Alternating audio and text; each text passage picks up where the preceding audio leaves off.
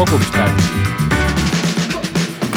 kogumispäevik. tere tulemast kuulama kogumispäeviku rahatarkuse podcasti. antud podcastis räägime põnevate saatekülalistega sellest, kuidas teha oma rahaga nutikamaid otsuseid ja parandada seeläbi enda ja oma pere rahalist heaolu mina olen Mari-Liis Jääger ja täna on koos minuga ettevõtja, spordifanaatik, visionär Martti Soosaar. tere tulemast! Tere, tere, mulle meeldib eriti see spordifanaatik. aitäh selle eest. ja visionär muidugi ka, jah. et oled rahul nende tiitlitega? aga enne veel, kui asume meie tänase põhiteema juurde, milleks on sport ja raha ehk kas liikumine tasub ennast ära, alustame väikse mänguga. oled valmis? peab olema mina küsin sinult äh, kolm küsimust ja sina saad siis äh, kiirelt vastata esimene küsimus, äh, sinu esimene palk, et äh, kuidas sa selle teenisid ja mida sa selle rahaga tegid? mina olen ikka juba piisavalt vana, et ma olen kolhoosis käinud kartuleid korjamas ja puid istutamas. kartuli korjamine vist oli esimene, ma arvan, et see oli algklassides ja kuskil õndsate kaheksakümnendate keskel ja noh, rublakopikatega vast oli see palk seal ja kuidas ma kulutasin, noh, ma arvan, et ju ma midagi head ostsin endale, kas, kas siis jäätise või jäätist või limpsi või mida iganes, noh, neid sai natuke rohkem selle rubla eest kui ühe, aga, aga ma arvan, et ma seda nüüd äh, kõrvale ei, ei pannud pikemaks ajaks. arusaadav. teine küsimus, äh, sinu suurim kahetsus seoses rahaga? kas siis mõni mõttetu ost või investeering? mul ei ole niisugust ühte äh, suurt kahetsust, aga vahepeal lihtsalt, kui ma vaatan äh, neid asju, mis ma olen kokku ostnud äh, ja, ja üritan seda äh, mõttes kokku summeerida, et kui palju on võib-olla mõttetuid asju kokku ostetud, et siis tekib selline kahetsus, et sihukest ühte, ühte konkreetset asja nüüd, et näed, see asi on mõttetu, et noh, ei ole nii suurt midagi, aga, aga see suur on, no ütleme niimoodi, et väikestest asjadest lõpuks kasvavadki suured, et teha palju sihukeseid äh, küsitava väärtusega ostuotsuseid, äh, mis kuskil riiulis või äh, sahvris äh, või ma ei tea, kus seisavad teil, et siis nendest, need mingil hetkel kokku arvutad, siis mõtled, et oi-oi, mida kõike oleks võinud selle rahaga lubada mm. -hmm, arusaadav. aga kuna täna meil on teemaks sport, siis kolmas küsimus on, et milline on sinu parim sportlik saavutus? jaa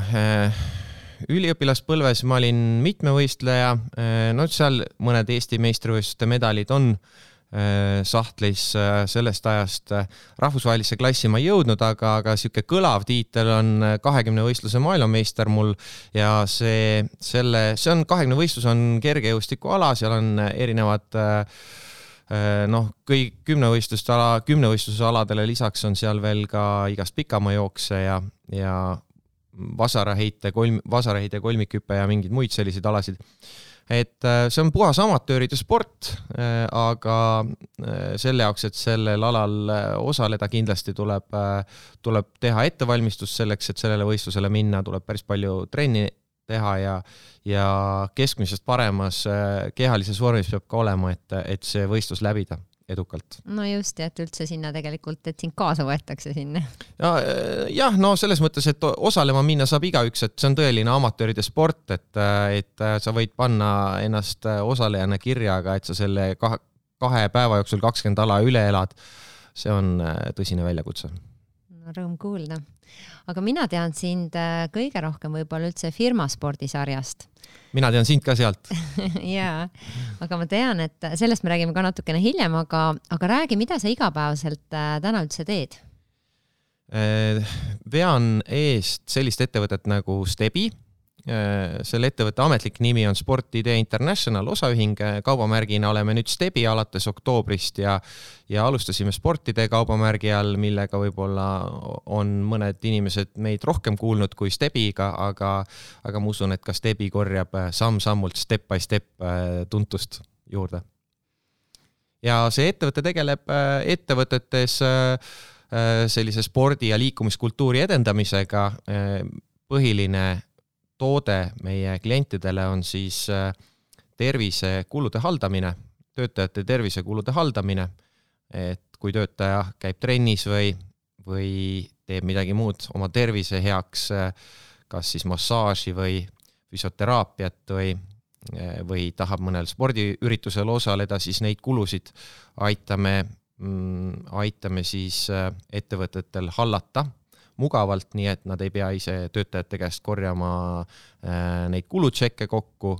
ja, ja töötajad ei pea alguses oma raha sinna mm, alla panema ja et siis pärast seda tagasi küsida mm. -hmm. aga kuidas sa igapäevaselt ennast vormis hoiad, et äh, mis see regulaarne sportimine sinu jaoks tähendab?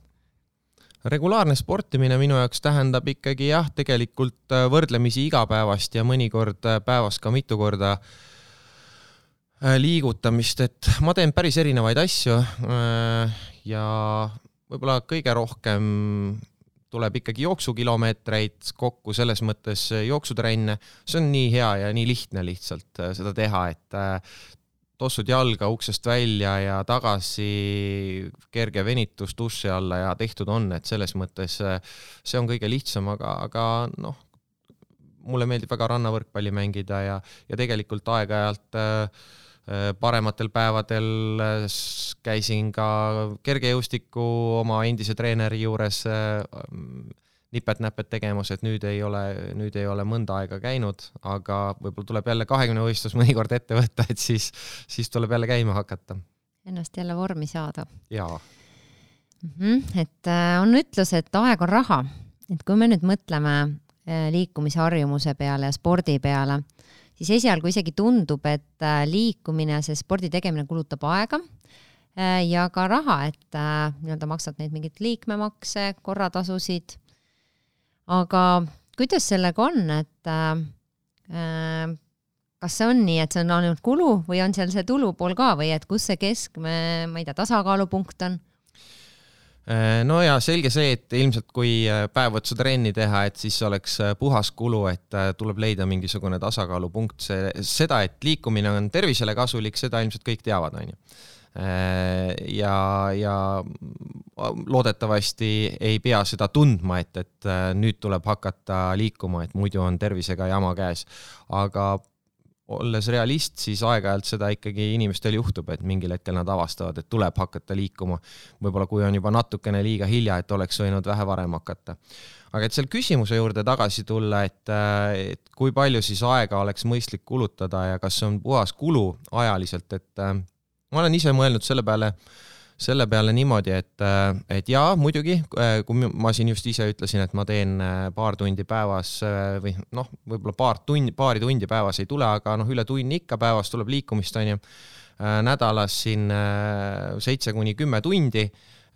kui seda hakata, ma ei tea, tunnipalgaga kokku arvutama, et oleks tööd teinud sellel ajal, siis justkui võiks öelda, et oi, ma olen palju kaotanud. aga ja noh, eks ma kujutan ette, et äh, tava, tavaline inimene, kes siis kontoris või kodukontoris istub ja arvutiekraani taga ja, ja mõtleb nüüd keset päeva, et kas ma nüüd hakkan liikuma või ma teen mingi asja, mis mul pooleli on lõpuni, onju. et siis teinegi kord äh, tundub nagu see äh, väga oluline, et ma pean ikkagi seda tööasja just nüüd ja praegu nagu tegema ja siis pahatihti see trenn jääbki üldse tegemata. aga noh, ma mõtlen ise, ise nii, et, et äh, selline lihtne nagu matemaatika näitab, et parem vorm ikkagi tasub ära, et äh, sa oled ise lõppkokkuvõttes produktiivsem, see, et kõik äh, noh, et töötajad, kes, kes on sportlikumad, tegelikult noh, ütleme, et nad töötavad energilisemalt, et see, kui, millised nende professionaalsed oskused on, see on natukene teine asi, on ju, kuigi noh, ka, ka eh, tuleks öelda, et õppimises on edukamad need lapsed, ütleme, ja noored ja, ja, ja ka täiskasvanud, kes, kes ennast regulaarselt liigutavad. et see pole see vana hea nali, et eh, siis, kui mõistust jagati, et siis oldi trennis, on ju. et äh, kokkuvõttes ma tegin siin just alles hiljuti ühe sellise äh, huvitava arvutuse ka, et äh, sattusin lugema ühte lugu, mis väit-, väidab, et inimese või ükskõik millise imetaja süda, ütleme põhimõtteliselt teeb kaks koma kuus miljardit lööki elu jooksul. et noh, umbes süda on niiviisi programmeeritud, et kaks koma kuus miljardit lööki. ja siis, kui see kaks koma kuus miljardit lööki, mõtled, et kuidas seda võimalikult pika aja jooksul need kaks koma kuus miljardit lööki teha, siis on ilmselge, et selleks, kui sul on treenitud süda, mil, mis siis lööb vähem lööke minutis siis äh, kaks koma kuus miljardit jõuab äh, päris palju aastaid hiljem kokku, et ma tegin siin äh, arvutuse seitsmekümne löögi peale ja et kui noh, ütleme, et tre-, võrdlemisi treenimata inimese süda teeb siin seitsekümmend lööki minutis ja ja jõuad järeldusele, et seitsekümmend üks aastat ja kaks koma kuus miljardit lööki on ühel pool. siis, kui su süda töötab viiskümmend lööki minutis, siis läheb üheksakümmend kaheksa aastat selleks, et need kaks koma kuus miljardit Äh, lööki nii-öelda täis saaksid ja vahe on kakskümmend seitse aastat. ehk peaaegu veerand või natuke isegi rohkem kui veerand äh, inimese eluiga. no ja see äh. eluiga on, ma arvan, ka kvaliteetsem, et kui sa oled sporti teinud ja ma olen hästi sinuga nõus selle mõttega, et needsamad töö tulemused on oluliselt paremad, kui sa vahepeal liigud, käid õues, teed kasvõi mõne koosoleku nii-öelda kõndides. et sa siis nii-öelda see vaim on erksam ja mis nüüd puudutab lapsi, siis äh, see ongi, ma arvan, see vanemate selline natuke nügimine ka, et, et äh, laps käiks seal trenniks, liiguks, liiguks õues. Ja ma arvan, need tulemused võib-olla isegi on natuke sellises loomuses, et sportlased on harjunud pingutama, et äh, noh, et ta ei anna kergelt järgi, et ei, ma ikka pean saama, et mulle tundub, et need paremad tulemused nii-öelda koolis kui ka tööl on just kuidagi selle mõtteviisiga ka seotud. Mm,. jaa, kindlasti. Äh, ja see mõtteviis areneb selle pingutamise käigus ka, selles mõttes, et äh, sa õpid nagu äh, pingutama. see on kindlasti üks asi. ja see on, see on selge, et, et need, kes, selle kohta on isegi uuringud muide tehtud ka, et, et kes on sportlikumad, et nende nende töö tulemused on paremad, et üks kümme protsenti leiti on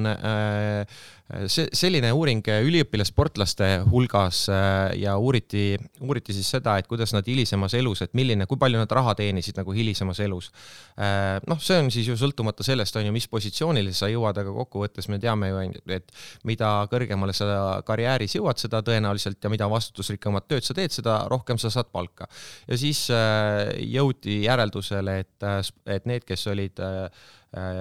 ülikooli ajal äh, ja noh, enne seda siis ka tegelenud äh, võistkonnaspordiga, nemad elu jooksul teenisid kümme protsenti rohkem raha et äh, tähendab see panus äh, seal äh, selles, selles vanuses ja seal noh, põhjuseid võime ju oletada, et mis need on, et esiteks võistkonnasportlased, võistkonnasportlastega see uuring tehti, et nad on tiimimängijad, on ju, nad õpivad meeskonna, meeskonna sees mängima, nad õpivad paremini eesmärke püstitama ja tekitavad endale regulaarse liikumisharjumuse, mis siis ka parandab nende sellist vaimset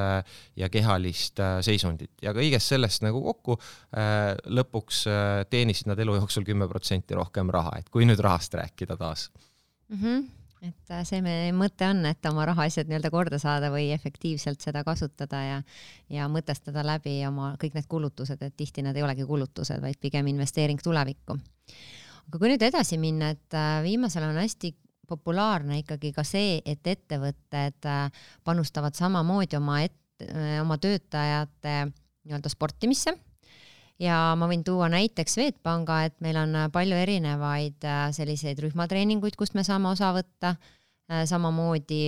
kompenseeritakse siis võistlustelt osavõttu. Ja noh, mida ma ise näen, on seesama firmaspordiüritused, mis on siis neli korda aastas, kaks korda suvel ja talvel on selline nii-öelda see meeskond füüsiliselt äh, koos, teevad koos asju erinevaid spordialasid ja ma näen, et äh, juba ettevõtte seest ma puutun kokku inimestega võib-olla, kellega ma muidu ei puutuks kokku. Ja kui ma edaspidi pean mingeid, ma ei tea,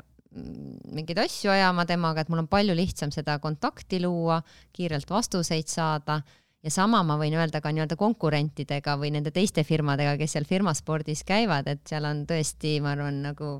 ma ei tea, palju seal on, mitukümmend firmat seal tavaliselt koos on? paarkümmend, kolmkümmend ikka jah. noh, praegu koroona ajal tundub see täiesti nagu veider, aga, aga see on väga äge. ja, ja siis, äh, kui sa oled juba aastaid käinud, mina olen siin, ma ei tea, umbes seitse aastat käinud, siis sa tunned neid teistest ettevõttest inimesi ka ja samamoodi, kui on vaja kontakti leida, et sul on oluliselt see võrgustik palju laiem kuule, teie tiim on ju saanud ka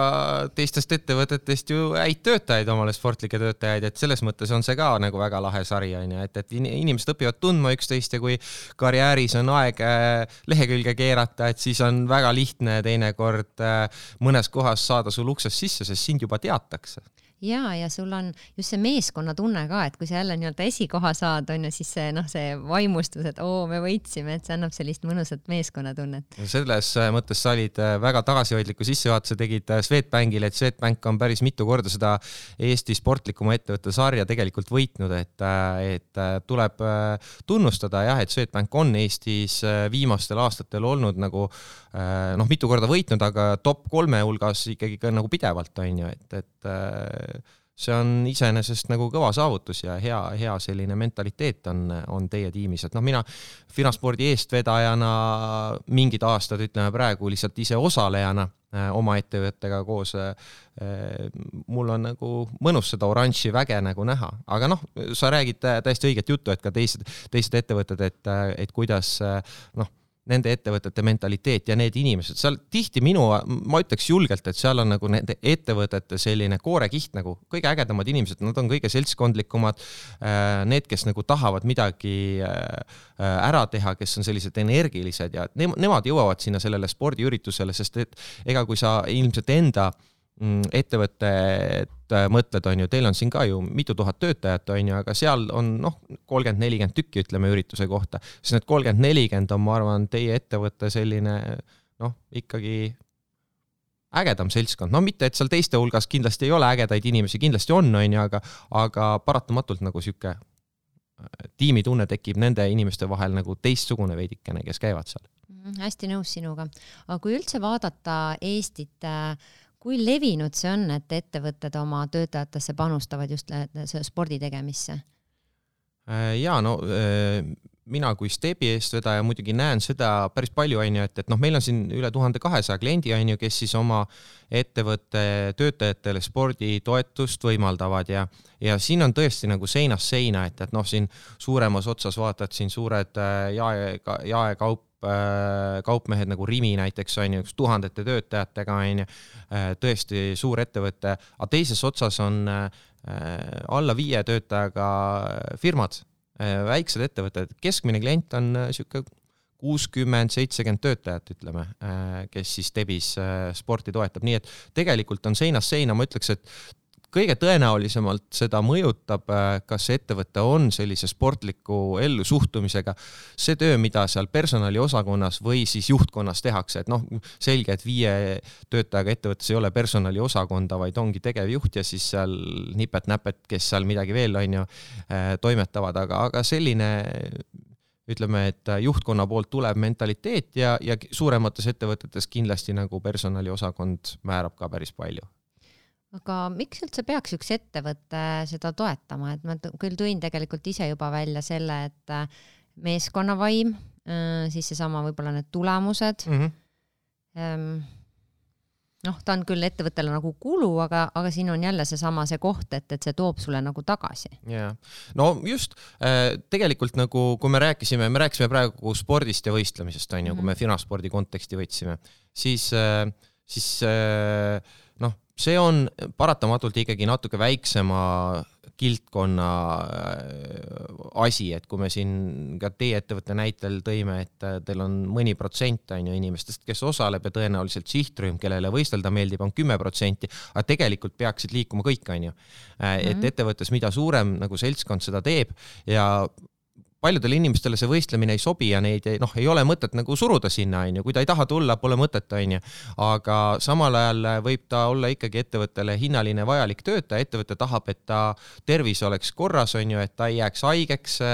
Äh, ei peaks võtma haiguspäevi, muidugi, et ta peretervis oleks korras, et ta lapsed ka haigeks ei jääks, aga see äh, paljuski see nii-öelda mõttemaailm peredes algab ka ju äh, lapsevanematest, on ju, et, et kuidas nemad ees, niimoodi, niimoodi lapsed järel, et mi, mis suhtumist nad kujundavad. selles mõttes sellise tervisliku elustiili äh, õhkkonna kujundamine ettevõttes on hästi oluline ettevõtte jaoks, et, et siin on ka erinevad uuringud, ma ei hakka siin täpseid numbreid äh, välja, äh, välja ütlema, aga, aga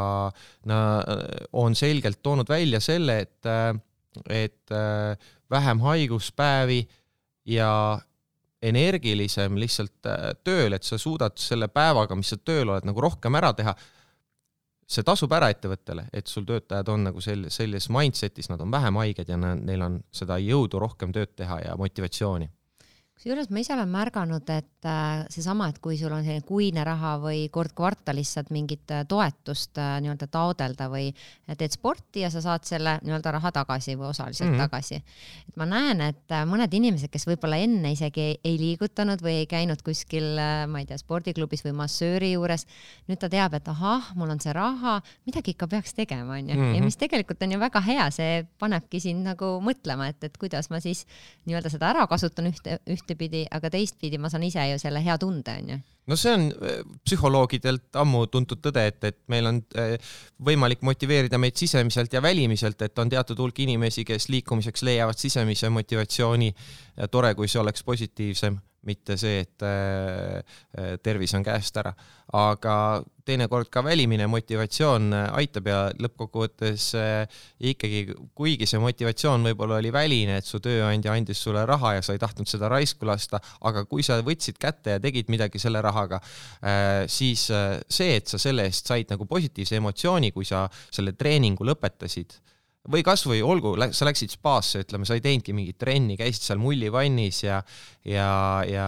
noh, võib-olla tegid basseinis oma ühe pikkuse konna ära ja ja siis äh, nautisid seal, ma ei tea, vee, veejoa massaaži ja, ja tulid ära, pärast sul on ikkagi selline mõnus ja rahulolev nagu tunne ja sa oled oma, ühest küljest oma tööandjale tänulik, et ta võimaldas sulle seda, aga teisest küljest nagu sa noh, paratamatult nagu inimese keha reageerib nagu positiivselt sellele pingutusele ja äh, lõõgastusele samamoodi. just, absoluutselt, et äh, tunne on super nagu pärast ja sa said hoolimata sellest, et see motivatsioon ei olnud võib-olla sisene, vaid väline, sa tegelikult nagu lõpuks said selle tunde kätte ja sealt võib-olla see sisemine motivatsioon hakkab ka kasvama mingi hetk nagu natuke nagu lastega, vaata, lapsed lähevad trenni ja neil hakkab see sisemine motivatsioon siis tekkima, kui tulemused tulevad, on ju, et siis hakkab tekkima, et oo, ma tahan käia nagu ja ma mõtlesin, et räägime natukene sellest äh, sporditeest või stebist siis lähemalt, et äh, mida see tähendab ettevõtja jaoks, äh, mida sealt võidab ja mida see tähendab siis nii-öelda tavainimese jaoks või töötaja jaoks mm, -hmm. et mis ta sealt saab? no ettevõtte jaoks on ta mugav spordi- ja tervisekulude haldamise keskkond, et ei pea ise nende samade tšekkidega tegelema, mis siis töötajad sulle toovad seal Äh, ja noh, töötaja jaoks on see muidugi ka mugav, kui sa ei pea neid tšekke kuskil üles pildistama ja kuskile keskkonda üles laadima, vaid sa lähed, astud spordiklubi uksest sisse, ütled, et äh, tere, mina olen Mari-Liis ja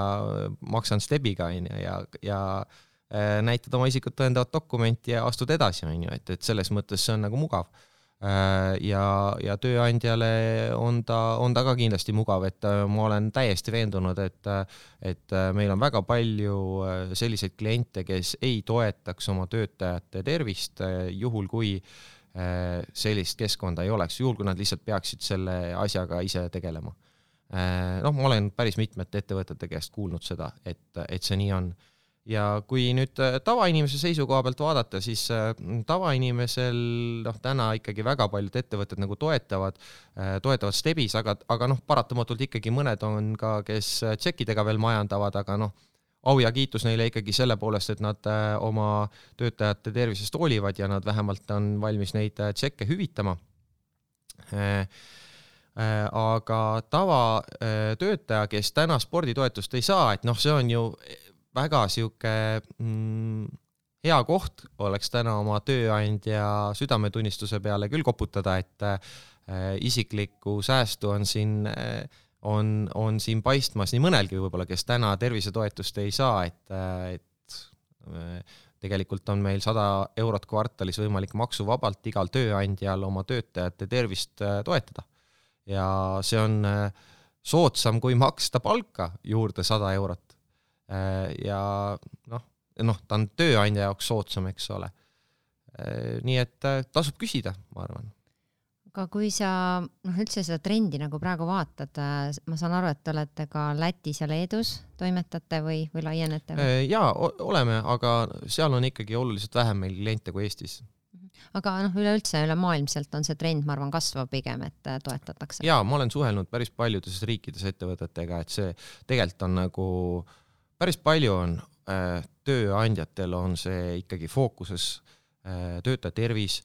Noh, üleüldse nagu tegelikult produktiivsus ja motivatsioon ja et kuidas töötajat hoida ja kõik, et sellised asjad, sellised teemad on nagu väga-väga kõrges fookuses väga paljude äh, tööandjate hulgas ja isegi sellistes riikides, mida me siin kaugelt vaadates võib-olla arengumaadeks nimetame, nagu ma ei tea, Filipiinidel võib-olla või, või ka seal tööandjad tegelikult mõtlevad selle peale, kuidas, kuidas töötajat hoida, arendada kuidas töötaja tervist hoida. nii et, äh, et see on küll globaalne trend tegelikult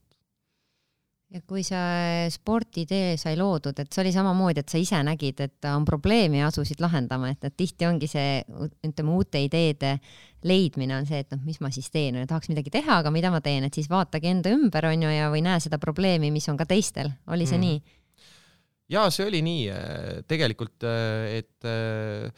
noh, otseselt ei olnud isegi minul seda probleemi, aga ma lihtsalt märkasin seda, et meie, noh, tookord ma olin Finaspordi Liidu tegevjuht ja siis ma nägin, et meie klientidel oli see probleem, nad rääkisid sellest probleemist ja siis äh, kõige parem äh, noh, äriidee on selline äriidee, mille eest keegi on nõus kohe raha maksma ja meil olid sellised ettevõtted olemas, kes olid seda kohe valmis tegema ja siis äh, tänu sellele oli ka julgus, et, et seda teha. Eks kui ma oleks siis teadnud, et see nii raske on, võib-olla oleks teist korda veel järgi mõelnud, et see tundub nagu jube hea, et et oo, mul on neli klienti kohe olemas, et aga kui, kui sa võtad, et noh, tegelikult see on selline äh, teenus, mille eest äh, see ettevõte ei ole valmis maksma miljoneid eurosid, on ju, et siis on selge, et see neli klienti maksavad võrdlemisi väikest raha, et äh, sellist IT-arendust teha, et eks seal äh, neid samme, kuidas seda finantseerida, noh, käisime erinevaid kiirendeid ja asju läbi, et et see oli, see on omaette põnev teekond olnud, jah. aga kui me nüüd mõtleme täna, kui me lindistame on äh, neljapäev ja koroonapiirangud on jälle karmistunud, et äh, ei tohi nii-öelda spordisaalides enam käia. et mis siis jäänud ongi, on selline kodus treenimine ja, või siis õues treenimine. et äh, mida siis teha? mina soovitaks julgelt, et mul oli väga huvitav jutuajamine meie enda Leedu turujuhiga, kes on sihuke tubli Crossfiti kutt käib äh, peaaegu iga päev äh, Crossfiti trennis, mis on ikkagi noh, inimesed, kes on seal käinud, teavad, et see on võrdlemisi niisugune vastik pingutus, ütleme niimoodi, mille järel sa oled ikkagi väga-väga-väga väsinud, ütleme. Äh, aga tema rääkis seda, et Leedus on ju see lockdown olnud ikkagi palju kauem kui meil ja tema ütles selle peale, et ma olen oma eluvormis, olen kodus teinud trenni, mul ei ole nagu mitte midagi muud teha, ma teen trenni et noh, tööd muidugi on ju, teed oma tööpäeva ära, äh, tal muidugi ei ole lapsi, on ju, kellel on lapsed, eks sellel tõenäoliselt võib-olla natuke raskem, aga tuleb nagu, mina soovitaks, et, äh, et ikkagi mõelge välja see, et äh, kasutage seda oma tervise heaks, seda Seda õnnetut lockdown'i, mis meil jälle tuleb, et pange omale eesmärke saada eluvormi näiteks, no kui see pole reaalne, võib-olla kui te olete, ma ei tea, kolmekümne kilo kaugusel oma eluvormist, siis äh, see, siis tehke vähemalt üks väga-väga suur samm sinnapoole, et saada lähemale sinna eluvormile, et võtke endale sihuke eesmärk selle kuuks ajaks, mis nüüd seda lockdown'i tuleb, võib-olla tuleb kauemgi, aga, aga noh, ma arvan, et sellega me hoiame ise enda sellist positiivset ja rõõmsat meelt ja, ja, ja kokkuvõttes on see kogu meie riigile nagu kasulik. Ja igaüks, kes võtab selle sellise lähtepunkti, noh, suhteliselt selge, et äh, vähemalt temale endal on see kasulik ja is isiklikult äh, äh võiks see motiveerida ja aidata meid mitte hulluks minna. Ja õnneks on tõesti see, et ma saan õues veel liikuda, et minule samamoodi meeldib joosta, et äh, kui mul see hetk tuleb, võtadki tossud ja lähed jooksed, sa ei pea kellegagi kokku leppima ja minu meelest on väga mõnus see õues liikumine, natuke saab veel isegi suusatada mm. -hmm ja mida ma ise olen märganud, et lastega koos on ka väga äge teha, et näiteks seesama Just Dance, koos tantsida, ma ei tea, mulle tundub, et naistele meeldib rohkem see tantsupool. ja nad teevad ise samamoodi siis äh, üle veebi neid treeninguid, et et vahel ma ise tunnen, et pigem sellist jooga asja tahaks niimoodi üksinda kodus teha, et kui sul ongi lapsed ümberringi, et siis sa ei suuda kuidagi keskenduda, et, et ma pigem ootan, et saaks kuidagi vaiksesse saali minna ja seal vaikselt teha. aga ma tean, et juba eelmisel, kui see koroonaaeg hakkas, et teil tekkis selline mõte luua üks selline keskkond, kus siis äh, koondatakse erinevaid treenereid ja on võimalus mm -hmm. läbi nii-öelda veebitrenne teha, et räägi natukene sellest Fit6-st. Sa oled väga hästi informeeritud jah, see vastab tõele, et äh, kui aasta aega tagasi see esimene nii-öelda koroonapauk ära käis ja meil see äh, küsimus tekkis, et äh, mis me siis nüüd teeme, et äh, kuhu, kuhu siis need inimesed äh, trenni lähevad, meil sada tuhat kasutajat, kes meil Stebis on, onju. noh, nüüd on juba sada kakskümmend seitse tuhat neid või, aga, aga et mida nad siis teevad ja ega äh, tollel hetkel hakkasime meie tegema videotreeninguid, päris paljud treenerid võtsid selle ise, et hakkasid Facebookis tegema, Youtube'is, Instagramis äh, videotrenne. Äh,. MyFitness tegi siin oma platvormi Netfit onju, nii et see videotrennid hüppasid päris, äh, päris mõnusalt äh, äh, esiplaanile ja, ja ise ma tegin päris palju neid toona. Ja nüüd äh, suvel, kui see koroonalaine nagu tagasi tõmbas, äh, siis meil äh, tekkis oma tiimi sees arutelu, et mis meil saab sellest teenusest edasi. Ja otsustasime, et me seda Stebi all ei jätka, et Stebi tiim teeb, teeb edasi seda, mida me oleme teinud, ettevõtete sporditoetusi. Äh, ja tervisetoetusi. Ja Fit2 siis äh, tuleb eraldi ettevõttena. Ja Fit2 fookuses on tegelikult selline keskne fookus on treeneril. Ja, ja treenerid siis loovad iseenda kanalit seal Äh, võib-olla natukene Youtube'i või Instagrami sarnane, et sa teed oma, ehitad oma kanalit, oma jälgijaskonda ja siis äh, müüd seal pileteid. et noh, selles mõttes me erineme natukene nendest äh, teistest keskkondadest, mis on, et, et seal on see keskkond on selle sisu omanik ja kasseerib siis piletitulu selle, selle eest, siis Fit, Fit6 on, on treener, kes, kes siis müüb oma pileteid ja, ja selle eest saab tulu kui ma näiteks olengi treener, et see, et ma lihtsalt ainult oma nii-öelda vaatajaskonnale neid videosid jagan, et siis läbi selle platvormi tegelikult ma saan võib-olla isegi laua äh,, laiema auditooriumi omanikuks, on see nii? Jaa, seda. mis see, noh, mis see pluss nagu võiks olla? ja, ja, sest et igal treeneril on mingi enda jälgijaskond, on ju, kes, kes on tal Instagramis või, või Facebookis või mingites teistes äh, sotsiaalmeediakanalites, siis see on üks selline äh, kanal, mis on just mõeldud äh, sellise sisu edastamiseks, et noh, tegelikult Instagram ei ole väga mugav, noh, Instagram live väga, väga tore, aga tegelikult nagu väga kauaks need videod sinna ju Äh, järgivaatamiseks ei jää, et meil on see Fit6 on täpselt selleks nagu mõeldud, et sa teed oma laivi ära ja siis äh, äh jääb see sinna nii-öelda hilisemaks äh, järelevaatamiseks ka kõikidele ülesse sa mainisid, et sa ise tegid ka erinevaid äh, videotreeninguid, et kuidas nagu seda inimest seal teisel pool ekraani kaasata ikkagi saaks, et noh, me siin võib-olla väga palju räägime just sellest, et kui ma, ma ei tea, koosolekuid teeme, et ja, või siis näiteks e-tunde anname mm, -hmm. aga et just kuidas seda teispool olijat siis äh, kuidagi aktiveerida. see on niisugune peenikene kunst, et ühest küljest meie kui Fit2 platvormi tegijad natuke mõtleme selle peale, et kuidas seda teha. head treenerid, kes on sellel, kellel on see kogemus olemas, et äh, nemad äh, ikka oskavad seda, et äh, ütleme, et kui Katrin Atenno on seal, noh, kes on Eestis üks paremaid ja kogenumaid treenereid, äh, Fitku platvormil ka päris palju jälgijaid tal ja trenni kaasategijaid, et kui tema sul tuleb sinna kaamera ette ja vaatab silma, ütleb, et pinguta, pinguta, et siis sul on niisugune tunne, et sa oled kaasatud, onju. aga noh, selge see, et, et peab saama kuidagi paremini ja see on üpris oluline selle juures, et inimene tunneks, et näiteks kui ta on seal live trennis, et, et ta on live trennis, et see on nagu juhtub nüüd ja praegu. Äh,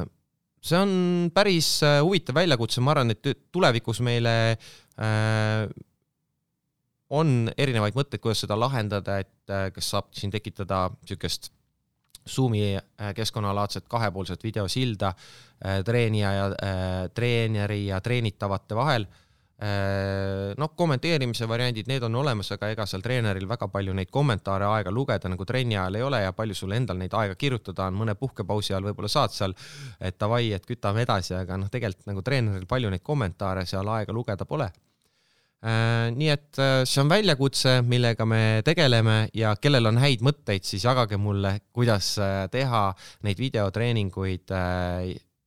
paremini äh, inimest kaasavaks, sest ma arvan, tegelikult teatud määral selles videotrennides on tulevikku. Äh, kasvõi kui me vaatame seda, et äh, kasvõi need inimesed, kes, kes käivad igapäevases spordiklubides, et kui palju nad aega kulutavad sinna spordiklubisse mineku peale selleks, et koos sõpradega trenni teha. sul läheb tund aega päevas võib-olla selle mineku ja tuleku peale Äh,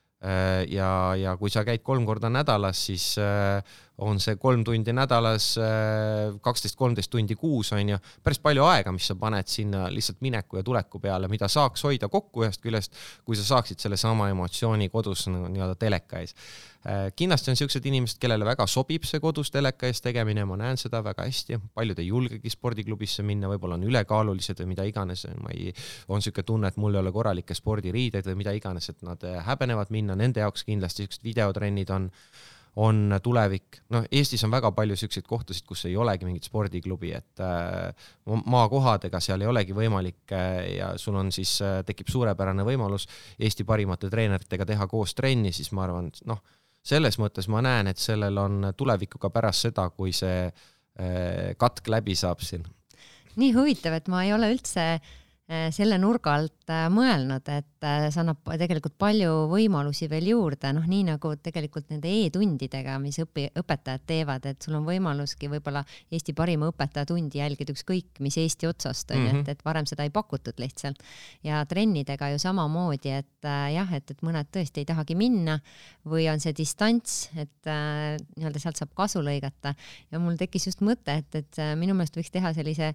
mm, ma ei tea, koolituse et kuidas siis äh, need treenerid siis võiks omavahel neid kogemusi jagada, et kuidas hästi kaasata neid inimesi teisel pool ekraani. et jällegi selline võib-olla natukene selline uus, äh, uus ala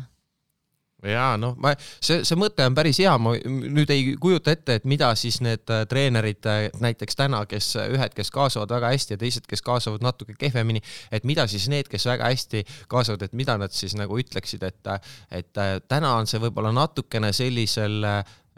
loomulikkuse tasandil, et mõnele see nagu väga hästi sobib ja, ja aga kas ta oskab seda sõnadesse panna, et, et mis on see tema loomulik talent, aga see mõttena on väga hea. muide, see kooli teema, ma arvan ka, ega siin tulevik äh, tõenäoliselt on ka ju selles, et äh, kui me vaatame, kuidas meil õpetajate kaader vananeb, et maakohtades muidu ei olegi neid õpetajaid võtta, et noh ja, ja, ja kui meil on väga head õpetajad, kui me suudame kuidagimoodi äh, mõelda välja seda, kuidas äh, üle videoloengu neid õpilasi kaasata, nagu et nad tunneksid, et, äh, et see loeng on ainult talle, kui ta vaatab seda, siis ma arvan, siin on nagu päris palju potentsiaali peidus ja ma usun, et selles suunas mõeldakse nagu päris aktiivselt edasi ka. Mhm, et selles on omad nii-öelda positiivsed noodid sees aga räägime natuke ettevõtlusest ka, et meil paljud kuulajad on, kes siis kas alustavad ettevõttega või juba on väiksed ettevõtjad. et millal sina selle ettevõtlusega alustasid? oh äh,, ma ei tea, siis kui ma üritasin äh, loteriipileteid müüa oma vanematele maha ja mööda õue käisin ringi. Äh, no ütleme niimoodi, et äh, ma pärast ülikooli, ma õppisin kehakultuuri ja pärast ülikooli ma käisin natuke aega palgatööl ka äh, spordiüritusi korraldamas, aga aga ettevõtjana üritusi ma hakkasin korraldama kahe tuhande viiendal aastal ja siis äh, äh Sportidee sai loodud kahe tuhande kaheteistkümnendal aastal ja, ja nüüd äh, FitQ on siis loodud kahe tuhande kahekümnendal aastal, nii et niisuguse mingi seitsme-kaheksa aastase sammuga midagi üht-teist nagu äh, toimub. ma ütleks, et, et siis, kui kaks tuhat viis, kui sai see firmaspordiliit äh, tehtud, et siis ma hakkasin küll mõtlema natukene nagu ettevõtjaid, siis ma hakkasin seda kogemust, äh, äh, kogemust saama. paraku ma olin küll äh, õppinud hoopis teist asja, olin õppinud kehalise õpetajaks, see tähendas, et see kogemus tuli läbi töö läbi, läbi raske töö, praktika jah aga mis need sellised suuremad õpikohad või, või sellised pöördepunktid olid või noh, midagi jagada nagu ka teistele, et, et noh, et, et see kindlasti tuleb, et ole valmis oh,? minu jaoks olid no ütleme, et esimene pöörde, esimene sihuke otsustav hetk oli see, kui ma otsustasin seda teha, onju, et palgatöölt ära tulla ja siis hakata tegema, et see oli selline mm, noh, tuli kuidagi nagu ootamatult, äh, teatud mõttes ma äh, olin pettunud veidikene oma seal äh, palgatöökohas ja siis veitsa sund, sundseis oli, et, et see on kindlasti päris e-, esimene ja raske samm et sul ei ole ju mingit garantiisid, kui sa lähed, et selle sammu astumine on kindlasti selline noh päris keeruline koht, noh siis äh, muidugi kui enam-vähem tundus, et see asi saab äh, lepase reega nagu käima, et äh, olid üritused, olid äh,, käisid ettevõtted äh, kohal üritustel, tehti sporti ja oli piisavalt palju neid, et, äh, et äh, mingi äh, normaalne käive ja mingi kasum hakkas ka nagu tekkima sealt üritustelt üle jääma, siis muidugi tuli majanduskriis, et eh, see, see valdkond, eh, eh, sealt ikkagi tõmmati kogu raha välja, ettevõtted hakkasid igalt poolt nagu kokku hoidma, nii et see selline võib-olla selge äh,, ma ei, jah see on suhteliselt selge, et mingil hetkel nagu majanduses on ka kehvemad ajad käes, et mingisugune selline valmisolek selleks peab olema igalühel, kes nagu äh, ettevõtmis, ettevõtlusega tegelema hakkab, et peab, peab olema valmis, et kuskil mingisugune selline tagasilöök tuleb. noh, tõenäoliselt nüüd on hea aeg alustada, et äh, nüüd võib oletada, et kui see kriis äh, siin, mis siin läbi saab, et kui nüüd vaikselt saad saab hoo sisse, et siis järgmiseni äkki läheb natuke aega, et siis on aega. seitse aastat öeldakse. ja et siis on aega natuke rasva koguda, et siis äh, äh, võib-olla, kui see tuleb kohe, kui alustad oma ettevõtlusega ja tuleb sul majanduslangus esimesel-teisel aastal kohe, siis äh, võib natukene rööpast välja lüüa küll ja, ja mõned nagu tagasi viia ka palgatööle. aga aga ma mõtlen personaliga seotud, et äh, samamoodi, et on, ma ei tea, rohkem töötajaid sul, alluvaid olnud mm. vähem, sa tõenäoliselt oled pidanud ka muutma, et ma ei tea, mingi hetk, kui on raske aeg, võtma võib-olla hoopis koondama mõned töötajad. Äh, ja sellega Stebis on meil küll nii olnud, et praegu me koondama ei pidanud, et see oli, see oli nagu päris hea, et äh, äh eelmine aasta, noh, loodaks, et ka, loodaks, et äh, noh, ütleme niimoodi, et kui ma vaatan seda, mis Lätis-Leedus äh, toimus, et, et ka seal äh, ikkagi inimesed on võrdlemisi, võrdlemisi optimistlikult ikkagi meelestatud, nad on mitu kuud seda öö, ränka peaaegu karantiini äh, läbi, läbi tulnud. ma tahaks loota, et kui me siin oma kuu, kuu kuni paar nii-öelda ära teeme, et äkki, äkki ei pea äh, noh, et ehk ei lähe nii hulluks siin Eestis see asi ka, et, et nüüd on kõik natukene harjunud ka juba ja näevad, et tegelikult saab nagu elada, saab tellida toitu üle interneti, saab erinevaid muid teenuseid üle interneti, et, et vast elu nagu nii seisma ei jää, et, et väga hulluks läheb. aga eks see kindlasti inimestega töötamine, see on, on kahtlemata väljakutse noh, see ongi selline areng, ma arvan, selline pidev areng, sest iga inimene on ka erinev. jaa. ja, ja kui... ma ei ole kindel, et ma selles väga hea olen. Mhm. noh, siis on arenguruumi jaa aga kui ettevõttega alustad, et ma tean, et äh, Sport ID-ga sa läksid ka kiirendisse, et räägi natukene, mis asi see on ja, ja kuidas teie puhul see välja nägi? ja alustava ettevõtja jaoks kindlasti, et kui sa oled äh, võib-olla mm, mõtled, et sa oled startup, noh, ütleme siis startup äh, äh, selles, et sul on suur Äh, arengupotentsiaal sellesse ettevõttesse, võib-olla globaalne äh, teenus, mida sa ehitad, äh, eriti kui ta on IT-teenus ja, ja põhimõtteliselt ütleme, et IT-teenused ongi sellised, mis saaksid väga kiirelt, ütleme, skaleer-, skaleeruda, siis sellisel juhul selline mm, kiirendi on, on väga hea koht, kuhu,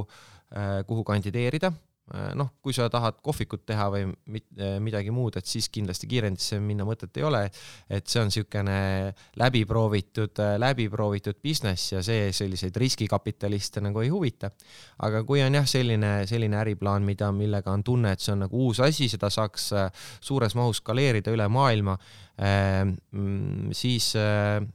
kiirendid on kindlasti head kohad, kuhu minna, et esiteks sulle antakse natukene raha seal, millega sa mõned kuud pead vastu ja, ja saad ka natukene teadmisi juurde. Äh, väga paljudes erinevates valdkondades, milles sa ei pruugi olla spetsialist äh,, müük, turundus, tootearendus ja nii edasi ja nii edasi, et, et seda, seda kõike nagu kiirendist saab ja Startup Wiseguys selles mõttes oli väga tore koht mm. -hmm, aga praegu. mina sain sealt palju et kui äh, suur tiim teil praegu täna on? meil on Stebis äh, kakskümmend viis umbes äh, inimest, võib-olla natuke vähem, aga üle kahekümne kindlasti mm. -hmm. ma tean, et noh, paljusid asju, kui hakkad ettevõtet looma, et sul ongi võib-olla erinevate teadmistega inimesi vaja ja mõnda, ma ei tea, teenust sa tegelikult tahaks hoopis sisse osta et äh, ma olen kuulnud, et selline Upwork on selline hea koht, kus, äh,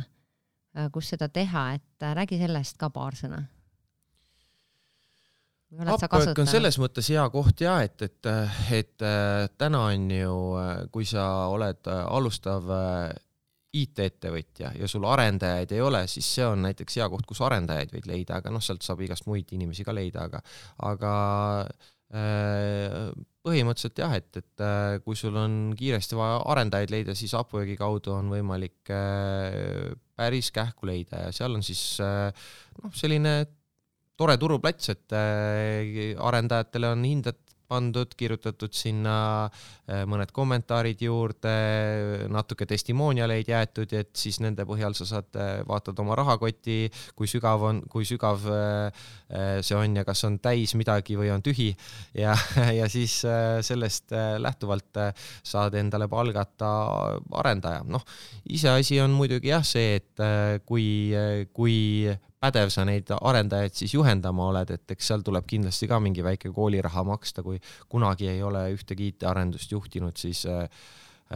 siis kindlasti seal kõige odavamat arendajat ei tasu võtta, sest tema ilmselt ei oska, ei oska sind äh, õigesti aidata mm. -hmm. aga kust, noh, ma kuulen, sa tegelikult ju teed väga palju erinevaid asju ja, ja ütleme ka ettevõtte juhtimine on selline suur väljakutse et kust sina sellist äh, energiat ammutad, et üks on kindlasti sport, aga on ka sul, ma ei tea, mingid mentorid või kedagi, keda sa jälgid või, või mm. ma ei tea, loed midagi või? Äh, mina ja ütleme, et ikkagi väga palju, äh, ma usun, et tahaks arvata, et, et ei tahaks arvata, ma usun, et see on sportimisest jah, väga palju liikumisest, kuigi noh siin on alati öeldakse ju, et, et äh, põhjus ja tagajärg, et need äh, võib-olla, äh, võib-olla mul keha nõuab liikumist ja siis ma liigun, ma ei tea, et, et või on, et see on see energia, mis nõuab seda liikumist ja siis ma lähen ja lasen selle valla, onju. ma ei tea, kuidas pidi see on, ma ise usun, et, et kindlasti liikumine aitab nagu seda energiat juurde saada. eks ma üritan läbi mõelda nagu teatud asjad oma sellises toitumises, et mul kuskil mingid, ma ei tea, vitamiinid puudu ei oleks või midagi sellist, et et äh, ma mäletan siin mingit perioodi oma elus, kui, kui päris äh, äh stressirohkeks kuidagi läks see olemine ja, ja siis äh, hakkasin mõtlema, et, et mis valesti on, et nagu ei ole midagi nagu teistmoodi eriti ei olnud sellel hetkel, aga, aga tundsin nagu, et äh, kuidagi energiat oli vähe ja siis mõtlesin, et ah jaa, et näed, mul need vitamiini äh,, vitamiinipreparaat, mida ma võtsin, et see oli otsa saanud, on ju, multivitamiin. no siis äh, tellisin uue kuuri omale ja avastasin nädala pärast, et on jälle normaalne hoog sees. nii et noh Äh, see muidugi kindlasti võib-olla ei räägi head juttu sellest, et kui, äh, kui mitmekülgne mu toitumine on, et ma võib-olla natuke kompenseerin seda, et see, sellega, aga siis ma vähemalt tagan, et mul on selline elementaarne energia olemas. no eks ma lugeda ja arendada ennast üritan ikka, et, et seda kindlasti ka, et, et inspiratsiooni saab kindlasti lugemisest, erinevate loengute ja, ja miks mitte, ma ei tea, Netflixi sarjade vaatamisest, et vaatad äh, sarja The Crown näiteks, väga tore meelelahutus Inglismaa kuningannast, aga, aga väga hea selline ma ei tea, juhtimis, juhtimisõpetus näiteks, et kuidas äh, mingilt tasandilt pead juhtima midagi või vaatad sarja Suits näiteks, noh, advokaatidest ja mõnus tempokas sari ja, ja tunned ka, kuidas, ma ei tea, energia tuleb kehasse ja nii edasi, noh, selles mõttes, et, et äh, noh, muidugi nende sarjade vaatamisega ei saa liiale minna, eks see on küll üks niisugune asi, kuhu võib ilmselt ära uppuda ja palju tööd jätta tegemata selle pärast. Mhm, ma tean, et sa pead blogi ka ja sa oled ka ühe e-raamatu kirjutanud. Jaa, tegin seda, see oli mul selline väljakutse korras, et äh, mul tekkis selline äh, mõte, et äh,, et ma ei ole kirjutanud äh, ühtegi raamatut, aga võiks, onju, ja siis äh, ma umbes nädalaga siin aasta lõpus jõulude paiku äh, panin äh, kokku sellise raamatu nagu Uus algus ja selle see on e-raamat, eks ma trükki seda ei, ei lasknud, et ei olnud nagu eesmärk eesmärk, et kuskil raamatukaupluste lettide peal peaks see olema, aga, aga tahtsin ise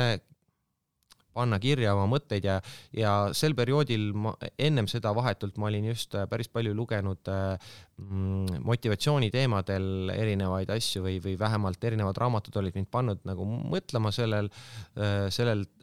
teemal, et kuidas hoida motivatsiooni üleval. Ja siis mul oli endal parasjagu sihuke saja päeva jooksu challenge ka käimas, et ma tahtsin siin saja päevaga tuhat kilomeetrit joosta ja sellest tulenes see mõte, et et kuidas hoida nagu ennast motiveerituna ja käimas. ja siis ma mõtlesin, et ma kirjutan sellise raamatu, kuna just uus aasta ka tuli, et aastavahetus on teadupärast niisugune tore koht, kus kõik lubavad endale midagi, et mis kiiresti ära unustada kahe nädala pärast. Et, et kuidas seda ei juhtuks, et kahe nädala pärast ära unustada, et kui sa annad endale lubaduse, äh, siis erinevaid nippe, kuidas neid lubadusi nagu paremini pidada, et sellest ma tegin selle e-raamatu. no see blogi on selline noh, niimoodi, ma olen neid blogisid erinevaid äh, pidanud, aga nüüd ma tegin mingi aeg endale äh, päris enda blogi lõpuks, et siis korjata mingeid oma asju, mida ma kuhugi, kuhugi kirjutanud olen ühte kohta kokku, et jah, hakkasin seda pidama ka, jah mõtlesin korra selle raamatu kirjutamise peale, et mulle tundub, et kui sa ikkagi nii-öelda raamatu kirjutad, siis sa pead äh, väga läbi mõtlema ja struktureerima kõik need oma mõtted ja see, mida sa sinna kirja tahad panna, et see on nagu hea selline ma ei tea, tagasivaade ka oma elule võib-olla, noh, kes millest muidugi kirjutab, aga selline hea fokusseerimise koht mul. Mm no mingil määral ja ma ei usu, et ma seda jube hästi tegin, selles mõttes, et ega keegi pole mind õpetanud seda kirjutama, et ma, eh, eks ma neid peatükkide kaupa nagu kirjutasin, võtsin mingi mõtte ette, eh, noh näiteks a la, et eh, kirjuta see kuskile ülesse, noh oma eesmärk siis näiteks või tee seda või noh, planeeri see päev niimoodi, et sa planeerid mingisse treeningu mingisse konkreetsesse aega, näiteks et alati, kui ma tulen töölt koju, panen tossud jalga, lähen jooksma, noh. siis ma võtsin need sellised mingid punktid ette ja kirjutasin need peatükkideks lihtsalt, et mingit paremat struktuuri ma sellele, selles hetkes ei loonud, et ei olnudki seda eesmärki, aga, aga jah, sihuke ütleme, et võib-olla see raamat on pigem selline nagu kakskümmend viis või kakskümmend seitse, palju seal peatüki oli, blogilugu ehk blogiartiklit. kui sa tood välja mingid kolm sellist põhilist asja, äh, kuidas siis seda motivatsiooni hoida, et mis need oleksid hmm.? raske küsimus. üks oli see väga hea minu meelest see eesmärgi kirja panemine, et mina samamoodi teen sellist visioonikaarti mm -hmm. ja just ma panin endale nii-öelda nähtavale kohale et sa saadki vaadata ja need asjad lihtsalt äh, muutuvad nagu noh, saavad teoks mm, -hmm. äh, tulevad su ellu ja, ja siis saad ka neid ära vahetada, nii-öelda panna uue kaardi sinna mm, -hmm. et äh, minu meelest on see kindlasti üks asi. mina arvan, number üks, ma ei tea, mind, minu jaoks number üks äh, on äh, see, kui sa kellelegi nagu kõva häälega lubad seda mm. -hmm. kellelegi välja ütled või ütled, sellise väljakutse vastu võtad. just, just, et Äh, ma tegin, äh, tegin ise sellise äh, triki siin aasta lõpus, et ma unustasin oma venitus, venitusharjutuste seeriad ära, et ma siin hommikuti muidu tegin ja siis tekkis niisugune auk sisse, et muidu iga hommiku tegin mingi viieteistminutise seeria, et hommikul andis niisuguse hea energia nagu päevaks. ja siis avastasin, et see on soiku jäänud ja siis ma ütlesin meie Leedu turupealikule äh, Kestuutisele, kellest ma just ennem rääkisin, siin Crossfiti mees, et iga kord, kui ma vahele jätan, maksan talle kakskümmend eurot ja siis oli motivatsiooni vähem vahele jätta, et neljakümne viie päeva jooksul jäi kolm tükki vahele. ja maksid talle ära? maksin ära kuuskümmend eurot jah äh, aga noh, vähemalt äh, sain oma venitusharjutuste tegemise motivatsiooni tagasi. väga äge, väga hea jagamine et kui nüüd äh, seda tänast teemat kokku võtta, et eks tegelikult me olemegi nii-öelda komplekssed, et üks asi on see enese liigutamine, toitumine noh, siin on nagu palju erinevaid komponente, aga ikkagi jõudsime sinna, et äh, see iga euro, mis sa oled kulutanud spordi peale, üldjuhul ikkagi tuleb tagasi ja tuleb tagasi mitmekordselt. et kindlasti tasub seda ja mitte ainult nii-öelda see rahaline pool, vaid ka see ajaline pool, et see annabki sulle nii-öelda erksama vaimu, äh, sa tunned paremini oma kehas ja ka tulemused ja tegelikult selline pikaaegne, ma arvan, tervislikum elu on nagu ka selle äh, tulemus. tahad sa midagi lisada? mul äh, mõte läks korraks jah uitama selle peale, et mul tuli veel üks asi äh, meelde, mis oli, mis on siuke huvitav äh, fakt, et äh, mida äh, lugesin just uurimust selle kohta ja kirjutasin just blogis ka, et äh, millegipärast äh, ilusamatel inimestel läheb elus paremini, et äh, Äh, selle kohta on tehtud nagu uurimusi, et näiteks poliitikud on ju, et, et äh, miks Arnold Rüütel oli nii edukas, sellepärast et ta meeldis naistele näiteks, et sai palju hääli, noh, öeldakse niimoodi äh,. ja, ja palju on selliseid poliitikuid tõenäoliselt veel, kes on päris palju hääli tänu oma heale välimusele saanud, võib-olla Justin Trudeau näiteks ja, ja kindlasti neid on, kindlasti on neid nagu veel, aga äh, äh, see kehtib äh, tavaelus nagu ka päris, päris palju, et, äh, et äh, siin uuringud avastasid, et, et diskrimineeritakse koledamaid inimesi sellega, et nad teenivad sama töö eest neli protsenti vähem palka. noh, ma ei tea, ilusaid inimesi usaldatakse rohkem, onju ja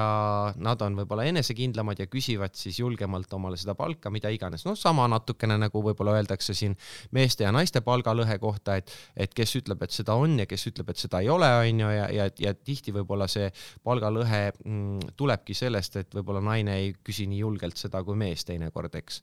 ja sama siis on ilusate ja, ja võib-olla keda teised inimesed nii ilusaks ei pea. aga ilu all sa mõtled, ma saan aru ikkagi see, et sa oled vormis äh,. Tegel, tegelikult eh, see uuring oli eh, selle kohta ikkagi eh, visuaalne nii-öelda, et keda peetakse ilusaks mm. -hmm. aga siin on see teine pool ongi nüüd, mille sa just tõid mängu, ongi see, et tegelikult nagu heas vormis inimest peetakse ilusamaks kui kehvas vormis olevat inimest. nii et, et see on see koht, kus me tegelikult nagu igaüks natukene saame äh, iseennast aidata, et ole lihtsalt heas vormis ja teised inimesed peavad sind nagu selgelt atraktiivsemaks kui see, kui sa kaalud, ma ei tea, kolmkümmend, nelikümmend kilo rohkem ja, ja, ja ma ei tea, punetad äh, äh, oma tervisehädadega kuskil näost ja nii edasi, seda kõike on võimalik nagu trenniga parandada. Ja ja sind peetakse kohe teiste poolt palju ilusamaks ja atraktiivsemaks ja sellega seoses äh, saad sa selle diskrimineerimise ja selle palgalõhe enda kasuks nagu tööle panna noh, tegelikult ongi seesama hoiak on ju, et kui sa oled ikkagi, liigutad ennast, sul juba see kehahoiak on hoopis teine. kindlasti jah. Äh, et sealt ja. juba need väiksed asjad kindlasti see annab igale ühele enesekindlust äh, ka ise, kui ta ennast nagu paremini tunneb ja energilisemana tunneb, et äh, et siis ta ka, kui tööintervjuul küsitakse, et noh, palju siis palka tahad saada, siis ütleb mingi mõistliku numbri, mitte väga äh, üle ei, ei punnita, eks see on ka ju teada-tuntud nali, äh, kuidas äh, noored peale ülikooli lähevad tööle ja ütlevad kohe mingi ulmenumbri oma tööintervjuul, et sest nad on kuulnud, et selles sektor või selles sektoris umbes nii palju palka makstakse ja seda üldse ei arvesta, mis nende nii-öelda varasem kogemus on, aga noh, see on juba natuke teine teema. jah, et sellest räägime võib-olla juba järgmises podcastis millalgi. aga igal juhul ma tänan sind äh, siia tulemast ja neid oma mõtteid ja kogemusi jagamast. aitäh kutsumast. ja, ja armsad äh, kuulajad, et kui teile meeldis see saade, teid kõnetas see, võitegi oma sõpradele jagada ja kindlasti, kui teid huvitab, äh, kuidas raha targemaks saada, tulge liik-, liituge kogumispäeviku Facebooki grupiga. ja aitäh kuulamast ja uute podcastideni kogumispäev. kogumispäev